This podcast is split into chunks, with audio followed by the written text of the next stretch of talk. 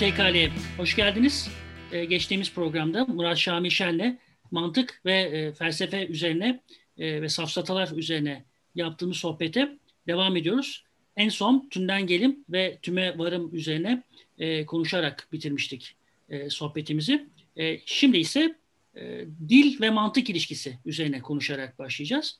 Şamil, Aristo'nun Retorik diye bir kitabı var. E, Aristo üzerine çalışanlar e, retoriği de organonun bir parçası olarak değerlendiriyorlar. Yani bu demektir ki retorikte Aristo'nun mantık çalışmalarının bir parçası olarak alınıyor. Ben şahsen edebiyat tarafından geliyorum ve hani benim nazarımda, benim gibi çalışanlar nazarında retorik mantıktan ziyade dilin e, pratik alanı ile ilgili bir şey. O zaman peki şöyle bir şey yapabilir miyiz? Aslında zaten mantık da dilin pratik alanıyla da ilgili bir şey. Ya da dil zaten mantıkla ilgili bir şey.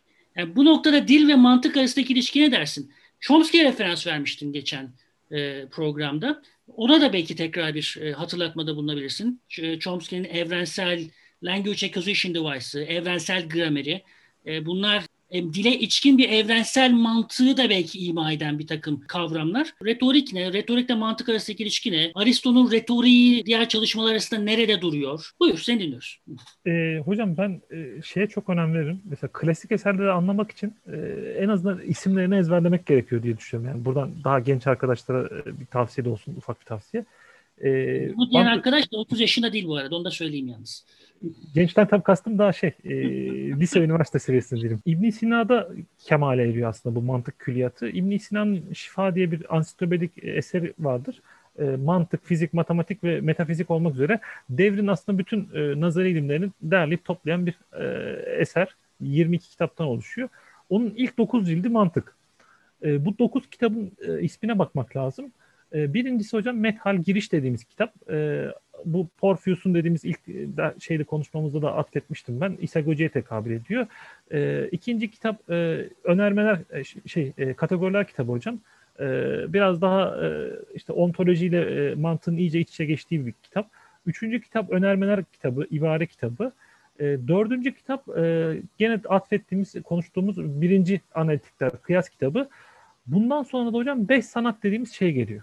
İslam mantıkçıları e, mantığı tasavvurat tasdikat yani kavramlar mantığı ve önermeler mantığı diye ikiye ayırıyor. İlk kitap önerme şey kavramlar kısmına tekabül ediyor. Üçüncü kitap ve sonrası önermelere tekabül edecek. Biz e, dördüncü kitapta artık biçimsel çıkarım kurallarını koyduk ya. Mesela bugün mantıkta işi orada bırakıyor hocam. Aristotelesçi gelenek İbn Sina, Aristoteles'in kendisi e, bunu devam ettirmişler. İşin içerine de girmişler. E, önermelerin maddesine işte doğruluk meselesine de girmişler e, ikinci analitiklerde Burhan kitabında bilimsel hakiki bilgi nasıl olur? Apodoeksiz nasıl olur? E, bunu tartışıyorlar. Buna dair bir standart getiriyorlar. Onlar için e, bilgi demek aslında Burhan demek. E, apodoeksiz demek. E, ikinci analitiklerdeki standart demek. Diğer dört kitap ne hocam? Onları hızlıca söyleyeyim. E, diyalektik, cedel diyorlar işte İslam dünyasında. Üçüncü kitap retorik, hitabet hocam. E, dördüncü kitap e, e, safsatalar. Beşinci kitap şiir. Burada artık e, doğruluğun derecesi kaymaya başlıyor hocam ve başka bir noktaya gidiyor. Ne gibi? Mesela e, diyalektikte, cedelde e, öncü, yani öncüllerde kesin doğruluğa ulaşamazsınız. Çünkü ele aldığınız öncüller kesin doğruluğa ulaşmaya veren öncüller değildir. Mesela Burhan'daki öncüller kesin doğru olması gerekir. Öncüller kesin doğru olduğu için sonuç da kesin doğru olacak bilimsel bilgi.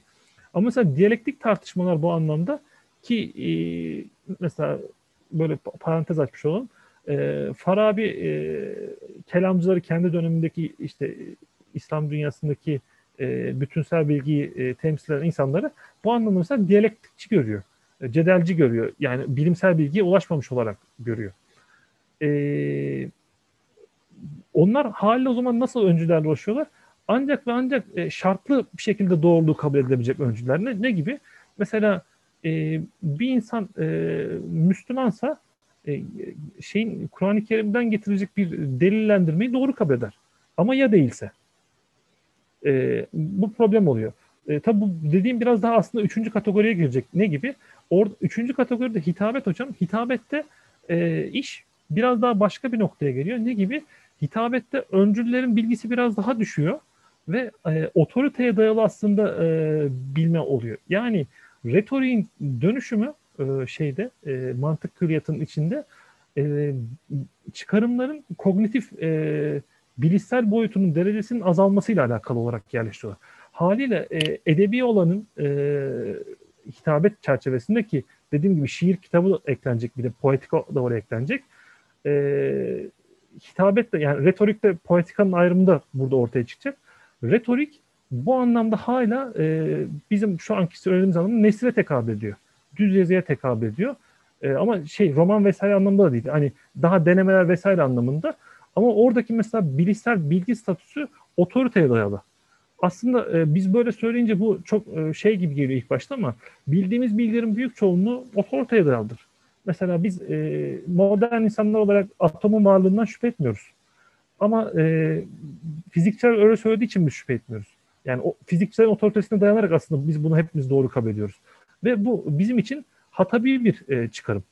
Yani atom vardır. Niçin atom vardır? Fizikçiler öyle söylediği için vardır gibi bir e, çıkarım yapıyoruz biz.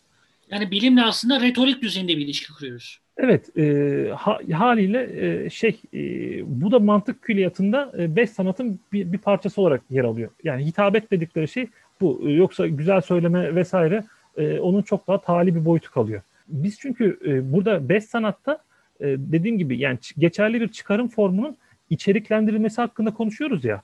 E, haliyle aslında insanları ikna etme problemi de oluşuyor. İnsanları bilimsel olarak mı ikna ediyoruz? Diyalektik olarak mı ikna ediyoruz? Hitabet ederek retorikle mi ikna ediyoruz? E, bir de şiirle ikna etmek var. E, şiirle ikna etmek ne oluyor? O, bu anlamda işte edebiyatın tamamı mantık külliyatının içine giriyor. İnsanların duyguları üzerinden insanları ikna etmeye e, şiir diyorlar. E, şey poetika diyorlar. E, haliyle yani gerçekten de böyledir. E, mesela insanlar bir film izler, e, bir konuda ikna olurlar. Yani e, şeyin e, bilim adamları e, onlarca yüzlerce ispat yapsın ama e, kitleler, e, insanlar o konuda ikna olmazlar. İnsanlar ancak bilimsel bilginin kendilerine dolayımlı olarak kendilerinin anlayacağı bir yolla onlara sunulduğunda kabul ederler. Bunu da en büyük sağlayan şey aslında retorik ve poetika oluyor mantıkçılara göre.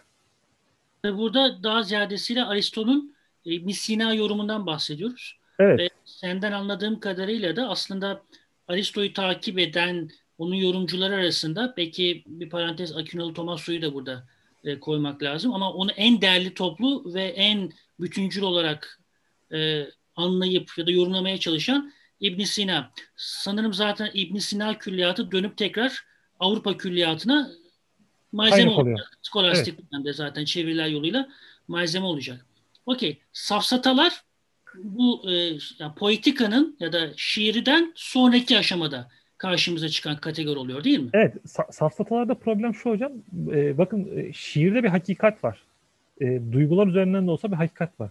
E, yani doğruluk var. E, bizde Türkçe'de bir de böyle şey var ya bazı kelimeleri bazı halde söyleyince bir efsun kaplanıyor. Bir doğruluk e, var. Safsatalarda ise doğruluk yok artık. Hiçbir şekilde doğruluk yok. Safsatalar tamamen kötü niyetli bir şekilde ortaya konulan çıkarımlar. Karşıdakini kandırmak, çıkar elde etmek vesaire vesaire. Bu anlamda safsataların zaten şeyi bazı böyle mesela şey okült e, bilimler vardır hocam. Onların öğrenilmesi e, şey için onlardan sakınılmak için derler. Eski mesela büyücülük kitaplarında falan öyle yazar. Yani bu bilme öğrenin size büyü yapmasınlar. Kendini büyüden korumak için vesaire gibi. Safsata kitabı da biraz öyle büyük kitabı gibidir. Yani insanlar sizi nasıl kandırıyorlar onu anlatacağım ben size. Haliyle kendinizi muhafaza edin diye. Mantığın e, negatif boyutu tam da burada ortaya çıkıyor. Kendinizi kurtarmak. Ama e, retorik ve e, poetika mantık külliyatının içinde olduğu haliyle hala doğrulukla ilişkili var ama ilişki e, bilimsel olarak değil. Başka daha farklı bir ilişki olarak kabul ediliyor. Peki Aristo'nun kendi bağlamı içerisinde tam ibn Sina ciddi anlamda hani onu değerliyor, topluyor ve böyle bir bağlama oturtuyor. Hani ne kadar tabii bu soruyu cevaplamak mümkün bilmiyorum ama retorik sonuçta o da bir kitap olarak Türkçe'ye çevrildi. Hani ve bu bağlamda çevrilmedi. Hani senin bu anlattığın e, argümantasyon silsilesi ya da doğru ve geçerli argümanlar silsilesi içerisinde e, çevrilmedi. ibn Sina'yı paranteze alıp doğrudan Aristo'nun kendi bağlamı içerisinde dil, mantık, retorik ilişkisine bakmaya çalışsak bir şey görebilir miyiz ya da ne görürüz? E, dil ilişkisine bakarsak hocam aslında e, Aristoteles'in kategoriler kitabı bu anlamda bizim için çok daha şey. Yani bizim mesela bugün dil biliminde kullandığımız e, sinonim, hinonim vesaire gibi kavramların hepsi Aristoteles'ten gelir. E, onlar da büyük oranda ikinci şey Sinonim, kategori... sinonim bu eş anlamlı, eş adlı, setli. Evet, e, hepimiz aslında ilkokulda öğretilen şeyler işte yüz, yüzmek falan filan gibi böyle. Bunlar Aristoteles'ten gelen, doğrudan doğru Aristoteles'in adlandırılmaları. E, haliyle Aristoteles e, kendisi e, dille çok iç içe. Fakat mantıkçıların işte hocam iddiası şu, diller kavimden kavime değişmekle birlikte bütün dilleri önceleyen bir e, düşünce var. Yani e, işte dünya var, nesneler dünyası, e, düşünce var, bir de ara kategori olarak dil var diyelim. E, bu anlamda e, biz düşünceye dilin dolayımı olmaksızın gidemiyoruz. Yani e, mesela şöyle bir ayrım vardır mantıkçılar için. Önerme ile yargıyı ayırırlar. Yargı düşüncenin bir birimlik hareketi diye kabul edilir. E, önerme ise bunun dildeki ifadesidir. E, ama biz önermeden bağımsız bir yargıya gidemiyoruz. Ama e, bir şekilde de e, düşüncenin dilden ibaret olmadığını da e, büyük oranda kabul ediyoruz. E, bu anlamda Aristoteles'in eserleri e, dille çok sıkı örülmüştür. İş retoriğe gelince ise hocam retorik hakikaten Aristoteles külliyatında nerede durduğu bir problem. E, buna dair antik yorumculardan e, çağdaş yorumculara dair farklı yorumlar var. E, klasik dediğim gibi meşai mantıkçı gelenek onu e, mantık külliyatının içine yerleştirerek anlamlandırmışlar. E, fakat sanırım çağdaş yorumcular biraz daha onu daha farklı bir şekilde yani Aristoteles'in o e, daha sıkıcı mantıkçı e, formundan ziyade e, daha farklı okumalarını e, elde etmek için oraya yöneliyorlar gibi geliyor bana. Ya bunu şundan da söyledim. Mesela İbn Sina'nın poetika yorumuyla poetika başka şeyler. Yani politikayı kendi içerisinde baktığınız zaman e, çok temelde tragedya ama en temel en genelde de mimesis üzerine. Yani gerçeklik ve dil ilişkisi üzerine belki de ya da gerçeklik ve dilin pratik biçimleri, anlatısal biçimleri üzerine, e, türsel biçimlere, biçim, edebiyat demek istiyorum ama o dönemde edebiyat diye bir kavram yok. Yani hani deneyim, pratik alanı, törel alan, gerçekliğin bütün bunlar hep iç içe geçmiş durumda. Hani günümüzdeki kadar çok sağlam net ayrışmış değil. E, şimdi biz günümüzde edebiyat deyip bir şeye doğrudan referans verip çok net bir söylemsel kümeye referans verebiliyoruz ama Aristo için Aristo'da böyle bir kavram yok. Yani e, politika derken sadece şiire değil, dansa, ritme, efendime söyleyeyim resme, hepsine birden e, şey yaptığı bir alan açıyor. Aslında daha da fazlası var hocam. Poetika, poiesisten geliyor ya. E, yaratmak demek aslında. E, biz Türkçe'de e, niyeyse böyle bir ayrıma gitmişiz. Arapçada da yaratmak şeydir, e, sum kökünden geliyor. E, sanat dediğimiz şey oradan geliyor. Ama biz aynı kökte e, sanat ve zanaat diye ayırmışız. Yani normalde sanat ve zanaat aynı kelime. E, biz sadece birine daha kol emeği olanı mı diyelim artık ona zanaat demişiz. E, birine biraz daha yüksek mertebe verip sanat demişiz. Bu anlamda Yunan düşüncesinde poiesis çok daha e, geniş bir şey aslında. Gerçekten insanın tanrısallaştığı bir boyutu kastediyoruz yaratma. Ama bu yaratma dediğim gibi ayakkabı yapmayı da kapsıyor. Orada belki anahtar kavram mimesis. Yani mimesis yoluyla yaratma. Evet. E, Mimes'e gelsek tabii o çok daha tartışmalı bir konuya götürecek bizi. Yok ee, girmeyin. E, o çok bizi üçüncü bir programa atar o bizi. e, Mimesis meselesi. E, ya şundan diyorum yani bu bağlamı açtım. Mantığı kendi bağlamı içerisinde yani antik Yunan bağlamı içerisinde e, an, anlamaya çalışırsak eğer günün sonunda mantık hani daha ikna edici olmak ya da nasıl söyleyeyim e, daha hakikate daha yakın, daha doğru ve daha geçerli bir konuşma sergilemek için ya da onun ne olduğunu araştırmak için de icra edilen bir şey değil midir ve bunun alanının araştırılması da değil midir diye bir soruyla geldiğimizde değildir diyebilirsin gayet de. E, işte retorik orada başka bir yere duruyor ve o zaman mantık retoriğin hatta bir parçası gibi. Hani bir daha genel bir retorik meselesinin parçası gibi şey yapılıyor. Çünkü retorikte bir üçlü şey var sen de biliyorsun. Etos, patos, logos yani ikna edici konuşmak için bu üç şeyi kullanıyorsun. E, logos doğrudan Mantık. hani mantığa bizi götürüyor ister istemez. Bu konu hakkında ne, demek, ne düşünürsün? E, işte hocam burada e, logos taraftarları şöyle düşünüyor ya e, bunlara eşit değil. e, mesela mitik söylem, epik söylem bunlar her biri aslında logosu değer kaybetmiş, derece olarak azalmış söylemleri olarak kabul edildiği için e, burada işte e, şey felsefi pozisyon önemli. Yani e, işte mesela 20. yüzyılda meşhur eleştirilerden bir tanesi. Yani Batı felsefe tarihi logosantriktir. Bunu aşmak lazım. Epik söyleme, mitik söyleme yer açmak lazım e, gibi. Kant sonrası felsefenin önemli tartışmalarından bir tanesi. E, ya biz e, madem akla e, nazari yolla ulaşamıyoruz, yani onu da kısaca hemen belki seyircileri söylemek lazım, dinleyicileri söylemek lazım ama e, Kant e, metafiziğin e, nazari alana ait olmadığını söylüyor. Yani akıl yürütme alanına ait olmadığını söylüyor. Aklın daha farklı iki kullanımı daha var. Aristoteles'in metafizik kitabının 6. kitabında üçlü bir bilim tasnifi var.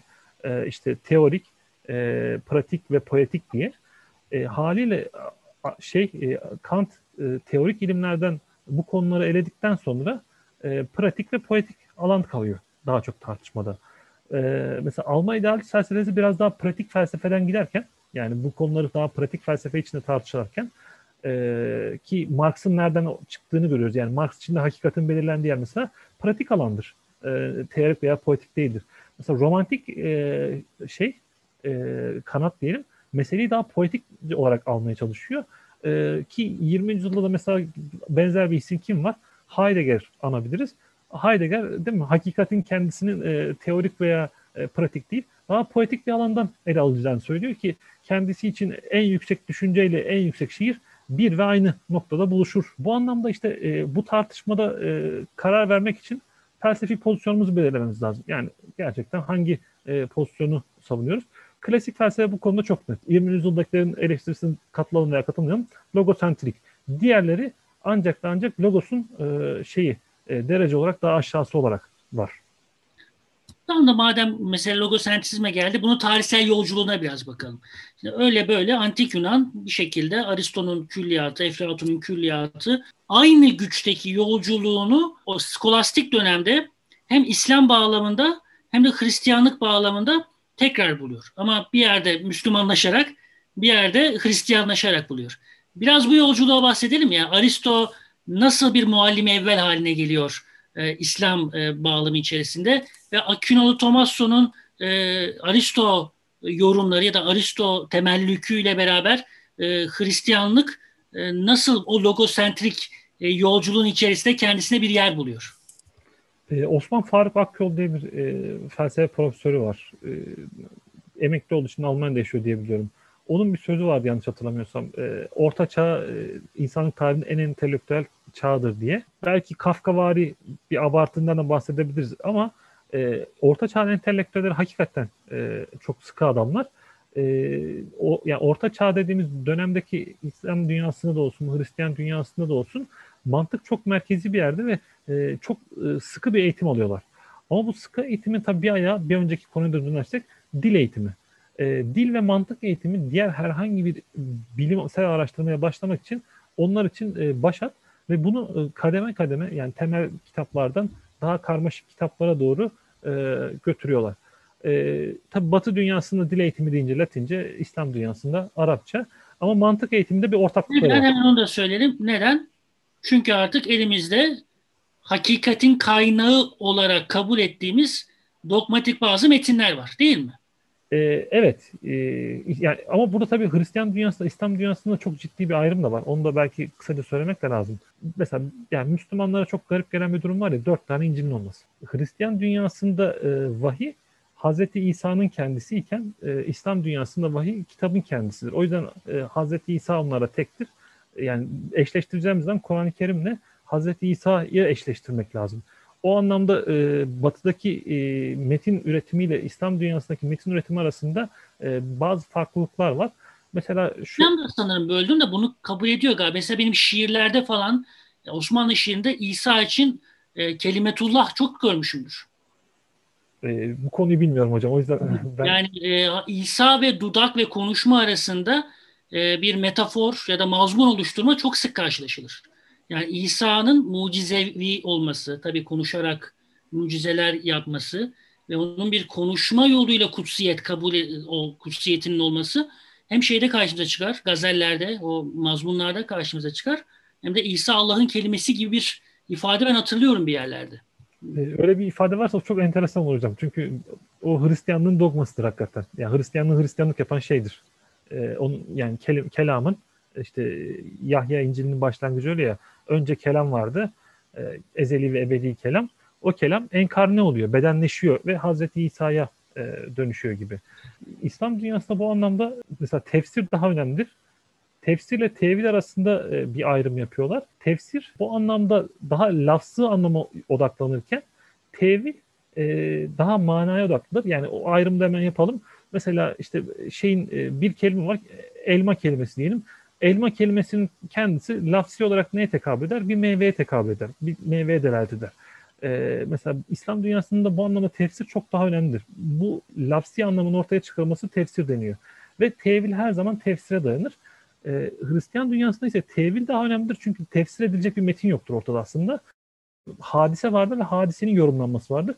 Tevil daha yoruma tekabül ediyor. Orada çünkü işin içine mana, intention, yönelim, kasıt giriyor. E ama dediğim gibi mantık konusunda bir ortaklıkları var her iki dünyanın da. Ama e, her iki dünyada da e, mantığın e, daha formelleştiğini görüyoruz. E, ne demek bu? Şu demek.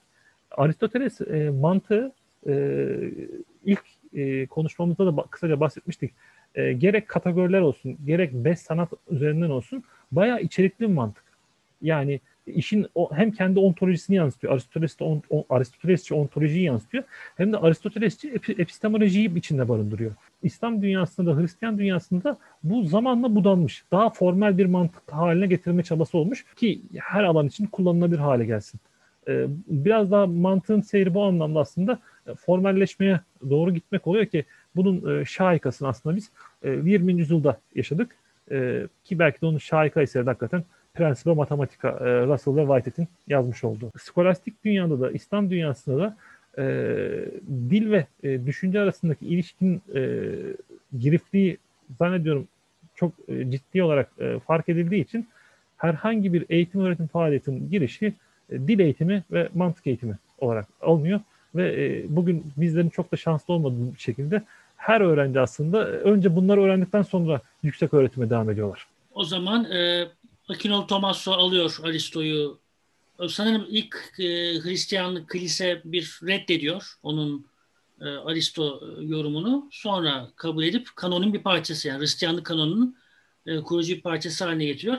Peki İslam'daki felsefe tartışmasının içerisinde mantığın yeri ne? Çünkü mantık hem e, medresede de yani medres şeriatla özdeşleştirdiğimiz medrese kanadında da çok temel bir yerdedir mantık hem de zaten 15. E, yüzyıldan itibaren gücünü kaybedecek olan e, felsefe e, tarafında da çok temelde bir yerde duruyor mantık. Bu çatışmada nere, nere, nasıl, nasıl algılayacağız? Felsefe ve e, kelam okul değil mi sanırım? Felsefe ve kelam evet. okul. Felsefe ve kelamcılar arasındaki e, bu tartışmada mantığın rolünü nereye oturtacağız? İlk başta hocam ayrım şöyle oluyor. İlk itiraz edenler nahivciler oluyor. Yani nahiv demek işte şey kısmen gramer diyebiliriz. Hatta daha sentaksçılar bile diyebiliriz belki e, günümüz anlamında. E, onlar itiraz ediyorlar ve e, mantığın kendisinin Yunanca'nın e, nahiv olduğunu, gramer olduğunu söylüyorlar. Buna dair e, Türkçe'de bir kitap da var. İslam yayınlarından çıkmıştı bu tartışmaya dair. E, halifenin huzurunda bunlar tartışıyorlar. E, bu tartışmada biraz daha sanki sonraki seride mantıkçıların galip geldiğini e, söyleyebiliriz ki mantığın e, kazanması anlamında. E, fakat e, mantığın esas İslam dünyasında e, yaygın hale gelmesini sağlayan kelamcıların kendileri oluyor. E, Gazali zaten çok meşhur bir isim. Gazali'nin hocası var e, Cüveyni. E, kelamın kendisi, e, kelamcıların kullandığı bazı çıkarım formları var hocam. Ve bunlar geçerli çıkarım formları değiller. E, yani bunlar bir doğruluk e, veriyorsa bile bize geçerlilik vermediği için e, problem yaratıyor. Kelamcılar bunu fark edip bunları eleştiriyorlar. Hem e, Cüveyni hem Gazali ve e, kendileri bu anlamda dediğim gibi daha felsefinin e, ontolojik e, yükünden arındırdıkları bir e, mantık e, oluşturmaya çalışıyorlar. Bunda da başarılı oluyorlar ve kelamcılar bu anlamda e, şeyin e, medreselerin vazgeçilmez parçasına e, çeviriyorlar mantık kitaplarını. E, bu neredeyse 19. yüzyıla kadar e, benzer bir formuna giriyor. Yani işlerinde çok e, o klasik mantığın e, kendisi itibariyle önemli tartışmalar var ama e, biz mantık tarihi anlamında baktığımızda majör büyük bir değişiklik yaşanmıyor. Peki modern zamanlara gelecek olursak 17. yüzyılda Avrupa'da e, bilimsel anlamda ciddi bir dönüşüm. Modern bilimsel nosyonların başlangıcına tekabül eden dünya merkezli bir evren tasavvurundan daha kozmos su yönelen başka türlü bir ve hani e, bir düşünce meselesine geçiyoruz. İşte Galileo'lar, Kopernikler, sonrasında Newton'lar, e, değil mi? Kalkülüs zaten gezegenlerin birbirleriyle mesafesini ölçmek için icat edilmiş matematiksel bir e, yöntem aslında. Koca kalkülüsün e, arkasındaki temel sebep de bir şekilde astronomiye falan bağlanıyor. Mantık bu, dön bu, bu dönemden başlayarak sonrasında e, işin içerisine katarsak modern zamanlarda mantığın seyri ne oluyor? Şu soru biraz da şuna bağlayalım. Çünkü bu dönemler dinsel düşüncenin de ufak ufak gerilemeye başladığı zaman. Orta çağlar evet en nihayetinde antik Yunan'ı devralıp muazzam bir entelektüel birikim ortaya koysa bile de dinsel düşüncenin başat olduğu, dominant olduğu zamanlar. Ama modern zamanların temel koyucu ayrıntılarından bir tanesi de dinsel düşüncenin gerilemeye ya da başka türlü bir şeye doğru dönüşmeye başladığı dönemler. Ee, bu, bu noktada nasıl bir yere koyacağız mantığı? Ee, Sekülerleşecek mi mantık? Hmm. Aslında mantık şöyle, mantığı mesela sekülerleşmesini, içeriksizleşmesi olarak okursak e, videonun ilk kısımlarında, konuşmamızın ilk kısımlarında söylediğim gibi aslında e, enteresan bir şekilde bunu ilk yapan kişiler e, teologlar oluyor. Tam dünyasında kelamcılar oluyor. E, Hristiyan dünyasında teologlar oluyor. E, tamamen o daha içerikten soyutlama işini. E, bunu niye hani bu bağlamda söyledim?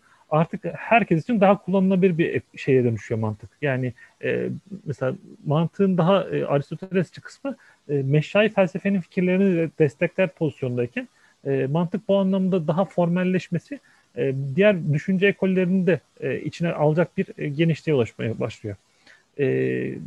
Descartes, Galileo ile başlayan düşüncenin matematikselleşmesi diyebileceğimiz aslında dünyanın da matematikte okunmaya başlanması süreci mantığı daha büyük etkilemeye başlıyor.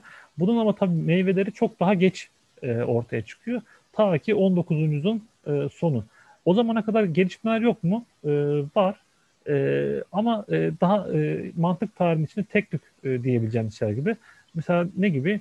E, Leibniz e, meşhur bir mantıkçı matematikçidir 18. yüzyılda yaşayan. Leibniz Newton'un çağ o da kalkülüsü e, buluyor. Yeter sebep ilkesini ki nedensellik olarak da atfedebiliriz. Yeni bir mantık ilkesi olarak mesela vaz ediyor. E, çelişmezlik ilkesinin alternatifi olarak onların yanına ekleyeceği bir ilke olarak. 19. Ee, yüzyılda yeni bir çıkarım formu olan abduction mesela Grand Prix tarafından ortaya konuluyor. Geçerli bir çıkarım türü değil ama e, özellikle de semiotik gelenek için yani gösterge bilim geleneği için e, başat bir şey oluyor. Çünkü gösterge bilim tamamen abdaktif e, mantık üzerinden e, iş yapıyor. Nasıl Türkçe'ye çeviriyoruz abduction'ı? Abduction'ı geri çıkarım diye çevirdiler hocam. Ee, öyle kullanıyorlar galiba ama geri çıkarım da çok anlaşılabilir bir şey değil gibi. Ee, şöyle, o zaman nedir abduction? Mesela abduct, yani, tüm havanından nasıl ayrışır? E, şöyle abduction ayrışıyor hocam. Abduction e, sonuçlardan öncülere gitmek demek aslında. E, e, e, abduction ile ilgili de güzel bir metin var. E, aslında onu tavsiye edebiliriz. E, bu e, izler diye bir makalesi var. İtalyan filozofunu şu an unuttum ama. İzler makalesi hocam. E, abdaktif geleneğin, bu semiotik geleneğin nasıl ortaya çıktığını e, anlatıyor. Şimdi semiotik gelenek falan deyince bunlar böyle belki çok e, şey kalıyor ama mesela doktorluk semiotik bir gelenektir. Ne gibi? Doktorlar semptomdan hareketle, semptom bir hastalığın sonucudur. Semptomdan hareketle hastalığı teşhis ederler. Yani bir insanda mesela bir yerde çıban çıkar. Çıban sonuçtur aslında. Sonuçtan öncüllere gider doktor. Ee, çıbana bakar, sonucu görür. Sonuçtan nereye gider? Aa o zaman bunda şu şu hastalık olması gerekliler. E, bu anlamda e, mesela izler makalesinde bu ebdaktif geleneğin çok daha işte kökenlerine gidiyor. Mesela avcılık böyle bir şeydir diyor. E, ayak izleri, hayvanın ayak izleri sonuçtur. Sonuçta hareketle buradan bir e, işte geyik geçtiğini e, avcı diyor bulur diyor. Bu anlamda e, diğer çıkarım formlarından farklı. Tabii, Şöyle bir örnek verelim. Mesela bir sınıfa girdik. Sınıfta yer, cam açık ve yerlerde e, Masada bir tomar kağıt var ve bir o kadar da yere saçılmış durumda. Nasıl bir çıkarımda bulunuruz? Ee, işte ceryan oldu bir ara, rüzgar esti ve bunları dağıttı. Değil mi? Bu evet. mesela akıl yürütme. normalde mesela bunu formüle ettiğimiz zaman e, ceryan esmesi ve kağıtların düşmesi sebep sonuç ilişkisi olarak öncelik sonrasılık ilişkisi var. Ama biz sonucu önce gördüğümüz için öncüllere doğru gidiyoruz. E, buna en güzel örneği gene bahsettiğim makalede e, geçiyor hocam.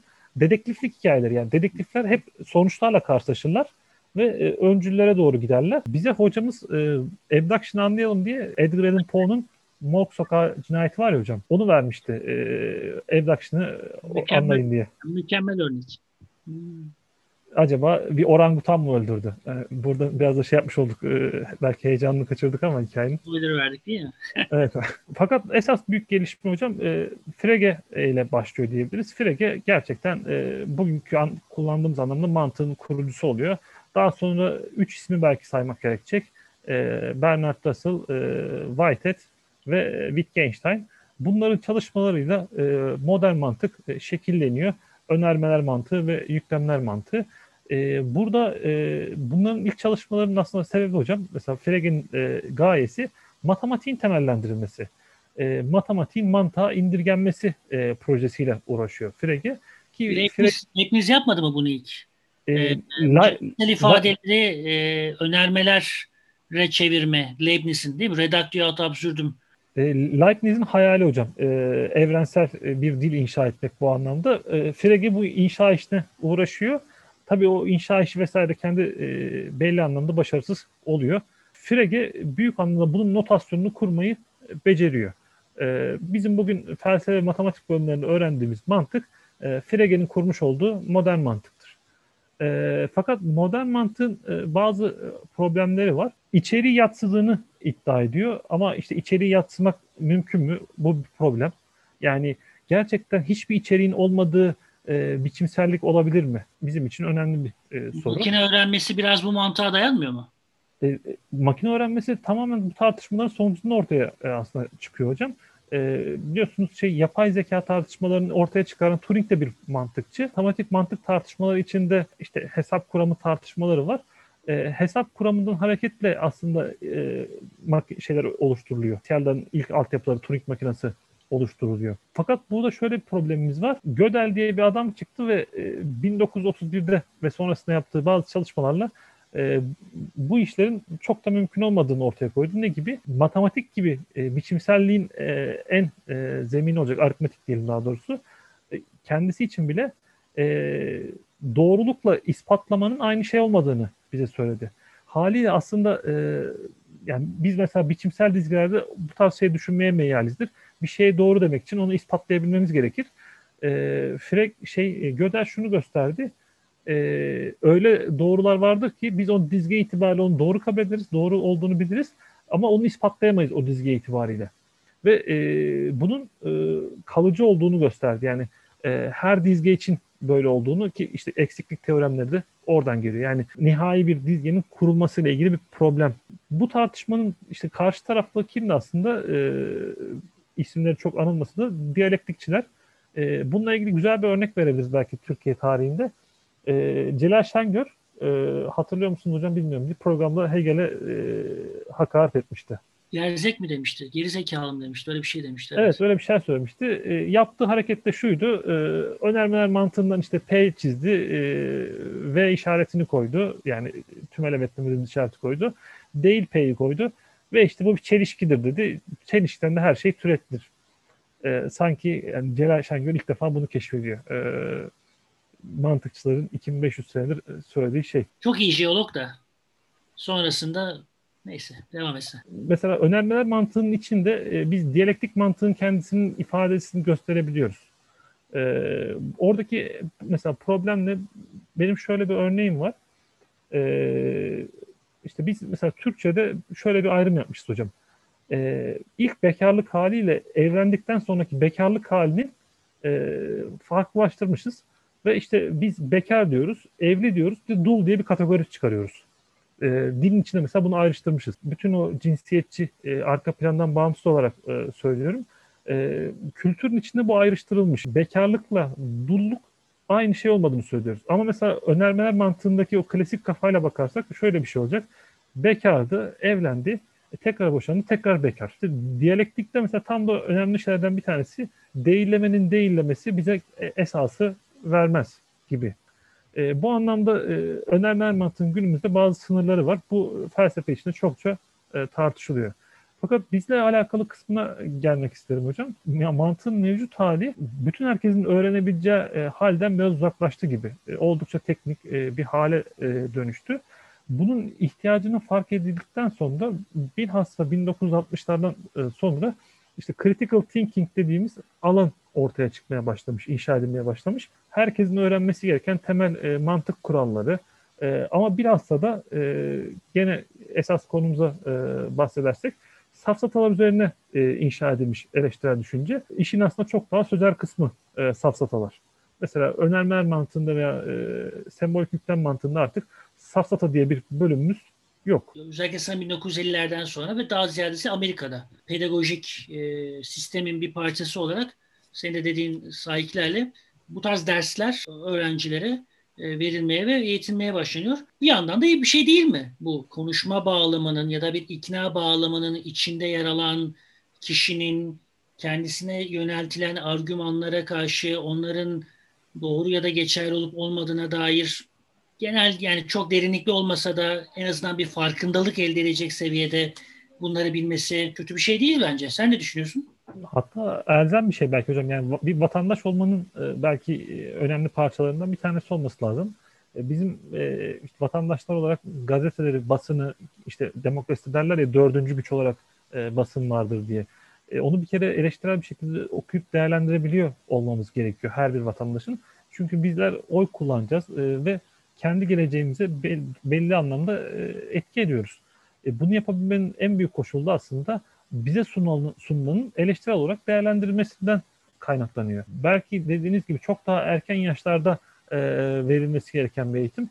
Benim gördüğüm kadarıyla şu an üniversite hale gelmiş durumda. Hemen hemen her üniversitede her bölüm için açılan e, bir ders haline e, gelmiş. Biz maalesef eğitimin ciddi bir kısmını hep üniversiteye bırakıyoruz. E, Türkçe eğitimi üniversiteye bırakıyoruz. Yabancı eğitimini üniversiteye bırakıyoruz. E, ister istemez herhalde gelse bile eleştirel düşünce eğitiminde üniversiteye bırakırız gibi geliyor bana. Maalesef e, dediğin doğru. Ona hiçbir itirazım yok. Hatta bu safsatalar meselesiyle ilgili e, kamuoyu, yani Türkiye kamuoyundaki farkındalığın da bir 5 yıllık bir mesele olduğunu söyleyebilirim. Daha evvelinde bir 2000'lerin başında Alev Alatlı'nın yapmış olduğu bir Google grubunun kitaplaş Google bir mail grubunun e, kitaplaşmış hali vardı. Safsata kitabı sanırım ve Safsatalar Kılavuzu. E, bu biraz da belki yine diyalektik açıdan bakacak olursak bir etkinin belli bir şeye tepki olarak da ortaya çıkan bir şey. O konuda ne düşünüyorsun sen? Kesinlikle katılıyorum hocam. Yani e, şeyin şu an biz e, Türkiye'de yaşayan insanlar olarak e, hemen hemen her yerden bir safsata saldırısı altındayız. Ama insanlar doydu. Artık yani şey haber kaynaklarının bu anlamda e, çoğalması, alternatifleşmesi, insanların e, farklı yerlerden beslenebiliyor olması e, hali bu safsataların ipinin çok çabuk pazara çıkmasına yol açıyor. E, ve anlık müdahale var. Yani e, işte mesela Twitter gibi bir mecra var. E, aslında yazılı anlatımdan ziyade sözlü anlatıma daha yakın bir mecra. Orada bir e, şey konuşulduğu zaman sözlü olarak birileri hemen karşılık verebiliyor.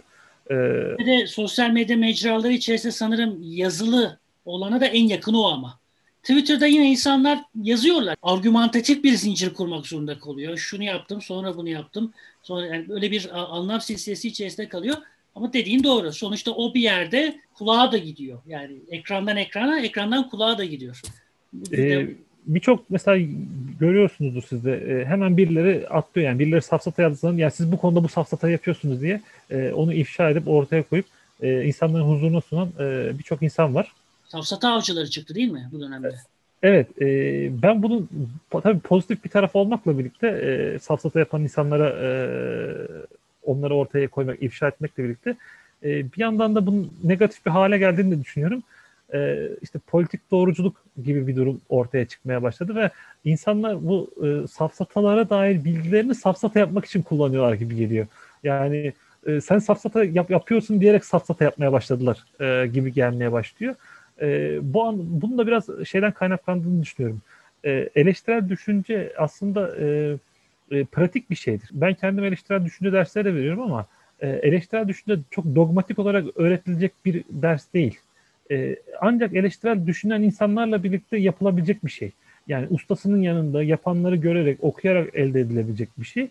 E, bu safsatalara dair yapılan çalışmalar farkındalık için çok iyi olmakla birlikte e, böyle bir risk barındırıyor. Formalleştirdiği için yani onları katı kalıpların içine soktuğu için yani insanlar sanki o kalıpları ezberleyince o Latince isimlerini onların ezberleyince eleştirel düşünebildiklerini düşünüyorlar. Ama e, eleştirel düşünme hakikaten e, ancak yapa yapa edinilecek bir şeydir. Buna da bence dikkat etmek lazım gibi geliyor. Evet. Bir pratikle olacak bir şey o ve bir yerden de başlamak gerekiyor. E, umarız ki derslerimiz, bu programlar, bu anlattıklarımız dinleyicilerde, gençlerde, her yaştan insanda bu bağlamda bir fayda, bir farkındalık sağlarlar. Şamil çok teşekkür ediyorum katıldığın için. Çok sağ olasın. Çok keyifli ve çok öğretici bir sohbet oldu benim için. Ee, benim soracaklarım bitti. Senin ekleyeceklerin var mı? Ee, davetiniz için ben teşekkür ederim hocam. Ee, çok teşekkür ediyorum tekrar.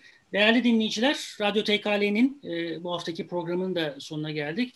Çok değerli Murat Şamil Şen'le felsefeyi, mantığı, felsefe tarihini, mantık tarihini ve günümüzde mantığın, felsefenin ve safsataların ve eleştirel düşüncenin görünümlerini konuştuk. Bir dahaki programda e, yine çok önemli bir başka konuda konuşmak üzere buluşmak dileğiyle her zamanki gibi esen kalın diyerek bitiriyorum. Hoşçakalın.